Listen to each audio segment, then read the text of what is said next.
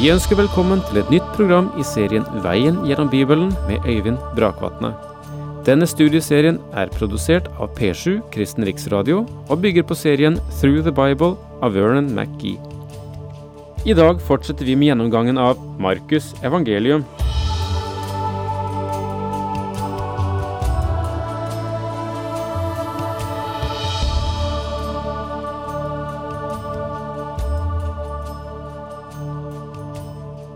Winston Churchill sa en gang at forskjellen mellom liv og død for et menneske kan ofte være en venn.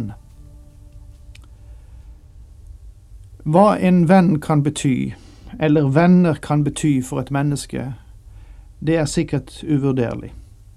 Og mange av oss kan sikkert vitne om verdien av noen som knyttet sitt vennskap til oss, og sto last og brast med oss selv om vi både kunne være sjofle mot dem og eh, føre vanskeligheter over dem, eller føre til at de fikk en økt arbeidsbyrde. Men en venn er ofte forskjellen mellom liv og død. Når vi nå er i Markusevangeliets andre kapittel, og eh, sist møtte disse bårebærerne som bar den lamme til Jesus og firte ham ned gjennom taket, så er det mulig at det var familiemedlemmer, nær familie. Det sies det ingenting spesielt om, men det ville forundre meg om ikke en eller flere av dem var en venn som trådte til i nød. Jeg har også gjennom livet hatt eh, venner for hvem jeg kan takke for både mangt og meget. Og eh, en som kalte meg tilbake igjen til kirke og menighet. Da jeg for lengst hadde sagt farvel til dem, han kan jeg aldri få takke nok for hva han gjorde for meg. Eh, han var selv delvis invalid, hadde vanskeligheter og kunne aldri delta i gymnastikk og springe fritt omkring som vi. Men han var dyktig på så mange andre felter. Han hadde et levende vitnesbyrd, og han var en trofast venn. Så mange ganger inviterte han til møter, og jeg sa nei, til ungdomssamlinger, og jeg sa jeg har ikke tid. Men han ga seg ikke. En venn som hadde en oppgave, og som betydde mer for meg, og betyr mer for meg, enn mange andre i livet. Jeg vil gjerne få lov til å si dette ved begynnelsen av denne bibeltime, fordi at vi har holdt kontakten fremdeles. Og kanskje han skal følge med i Markus evangeliet, og da skal det være en hyllest til en kristen venn som var med og førte meg inn igjen og tilbake til Gud. Ok, vi er fremdeles hos disse fire som firte ned den eh, lamme mannen gjennom taket. De hadde en tro, en tro som fortalte at Jesus kan helbrede. En tro som førte denne mannen helt frem til Jesu føtter. Men lenger kan ingen føre oss. Da må vi selv få erfare. Erfare Jesu inngrep i vårt liv, og da står det på den tro som vi selv får eie. Det er først når den trer i funksjon at Jesus sier Sønn, dine synder er tilgitt. Og vi leser fra Markus evangeliets andre kapittel, fra vers seks. Men noen skriftlærde som satt der, tenkte med seg selv, hvordan kan han si slikt? Han spotter Gud. Hvem andre enn Gud kan tilgi synder? Her blir Jesu fiende presentert, og de gir ikke uttrykk for sin oppfatning, men de gjør seg opp sine tanker. I sin tanke går de feil allerede ved spør første spørsmålet, men det andre spørsmålet er riktig. Denne mannen talte ikke blasfemisk, men det er sant at bare Gud kan tilgi synd. Ingen dommer har rett til å la en kriminell person slippe unna. Hans oppdrag er å håndheve loven. Gud er den moralske hersker av dette univers og forsvarer sine egne lover. Gud kan ikke være en lovløs. Det kan han ikke være fordi han er rettferdig. Fordi han har skapt lovene, så adlyder han disse lover, og hans lover er ubønnhørlige. De forandres ikke, og i lys av dem er du og jeg skyldige for Gud. Vi trenger tilgivelse for vår synd, og Han tilgir. La oss aldri begå den feilen å tro eller tenke at Han tilgir oss fordi Han er romslig og vidsynt. Han tilgir oss fordi Kristus betalte straffen for våre synder, derfor og derfor alene.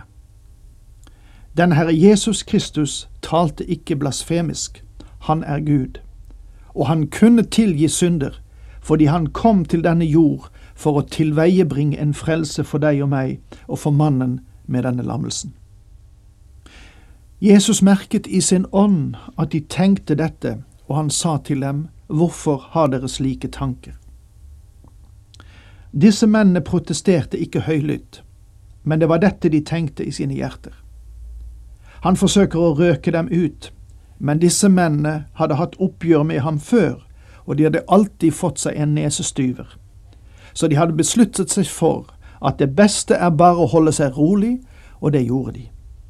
Så Herren selv sa det til dem. Hva er lettest, å si til den lamme enten dine synder er tilgitt, eller stå opp, ta båren din og gå? Det vil de ikke svare på i det hele tatt. De er stille, og siden de er tause, forfølger han dem videre. Han vet hvilke tanker de har. I Johannes 2, 25 står det Jesus trengte ikke andres vitnesbyrd om noe menneske, for han visste selv hva som bodde i mennesket. Nå trykker Jesus dem virkelig opp i et hjørne. Er det enklere å tilgi denne mannen synder enn det er å få ham til å reise seg og gå?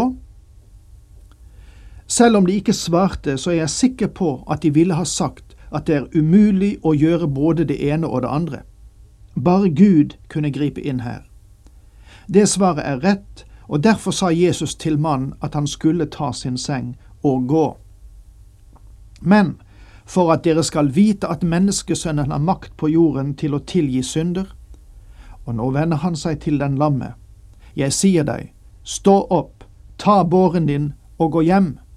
Og mannen reiste seg tok straks båren og gikk ut rett for øynene på dem, så alle ble ute av seg selv av undring og priste Gud og sa, noe slikt har vi aldri sett. Igjen ser vi at dette er et handlingens evangelium. Dette er en av Jesu underfulle handlinger. Jesus gikk så ned til sjøen igjen. Hele folkemengden kom til ham, og han lærte dem. Da han kom forbi tollboden, fikk han se Levi, sønn av Alfeus, sitte der, og han sa til ham, Følg meg. Og han reiste seg og fulgte ham. Vi har en fortsatt handling her, selv om dette ikke er en undergjerning. Men det er Jesus i aksjon. Det er Levi eller Matteus som blir kalt. Matteus tilhørte forresten Levis stamme. Tenk deg det. Han tilhørte prestestammen, men hadde blitt en toller av alle ting. Og dette burde være litt av svaret på spørsmålet om de ti tapte stammene. Vi vil komme tilbake til det eh, langt senere. Dette er en av flere plasser der vi finner et menneske som tilhører en annen stamme enn judastamme. Når noen vil si at det er ti tapte stammer av israelsfolket i dag, så må det bero på en misforståelse. Mine venner, disse stammene var ikke tapt. Her er en av dem, rett for våre øyne, en mann av Levis stamme som ble en av Herrens disipler. Herren kaller ham her ved denne overraskende anledningen. Kanskje du husker at Matteus i sitt evangelium ikke sa noe om at han laget til en stor middag og inviterte noen av sine venner. Hans eneste venner var syndere, forresten. Senere var Jesus gjest hjemme hos Levi, og mange tollere og syndere satt til bords sammen med Jesus og disiplene. Det var nå mange disipler som fulgte ham. Da de skriftlærde blant fariseerne så at han spiste sammen med syndere og tollere, sa de til disiplene, han spiser sammen med tollere og syndere. La du merke til at det hele tre ganger her ble sagt at gjestene var tollere og syndere? Åpenbart var det ikke en eneste god borger på hele gjestegilisten. Ingen av byens elite var der. Legg merke til at tollerne kommer foran synderne. De var datidens skatteoppkrevere. Jesus fikk høre det og sa til dem, Det er ikke de friske som trenger lege, men de syke. Jeg er ikke kommet for å kalle rettferdige, men syndere. Dette er et sterkt svar. Du ringer ikke etter legen når alle er friske. Det er når du er syk at du ønsker at legen skal komme. Jesus sa at han ikke var kommet for å kalle rettferdige, men for å kalle syndere. Årsaken til at han sa det, var at det var bare syndere til stede der. Det var bare én type mennesker der den dagen. Det var ingen rettferdige personer der på noen måte, men fariseerne trodde at de var det. Det er en annen sak.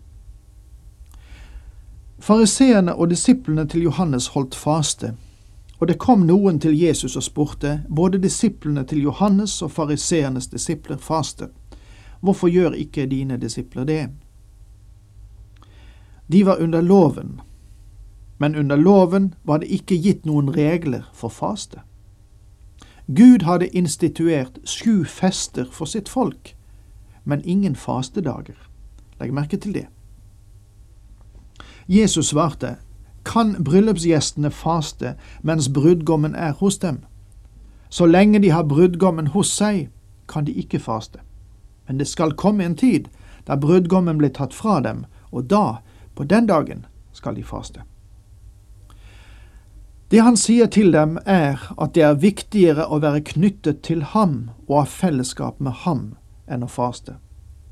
Det er også det samme i dag, mine venner. Én ting er å være religiøs og ha en brukbar fasade. Det er noe annet å glede seg over fellesskapet med Jesus og elske ham. Ingen setter en lapp av ukrympet tøy på et gammelt klesplagg, for da vil den nye lappen rive med seg et stykke av det gamle plagget, og riften blir verre.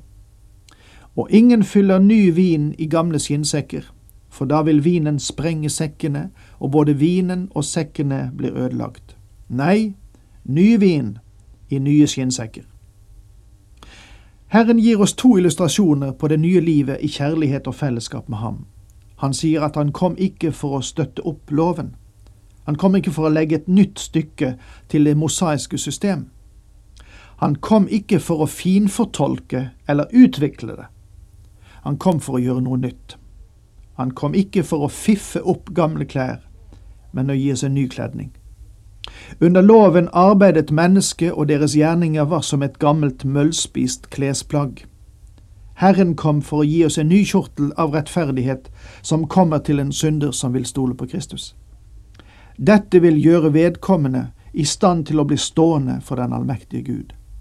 Det er noe herlig og vidunderlig han sier her, kjære dere. Herren kom ikke for å utvide eller tillempe Det gamle testamentets lovsystem og religion, han kom for å introdusere noe nytt.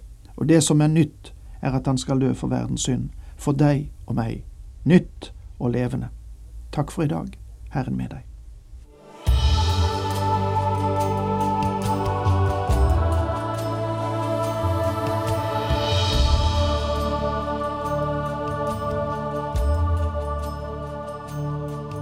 Du hørte Øyvind Brakvatne i studieserien Veien gjennom Bibelen. Serien bygger på et manus av Vern McGee. Har du spørsmål eller kommentarer til programmet, kan du sende en e-post til vgb krøllalfa p7.no. Takk for i dag, og på gjenhør.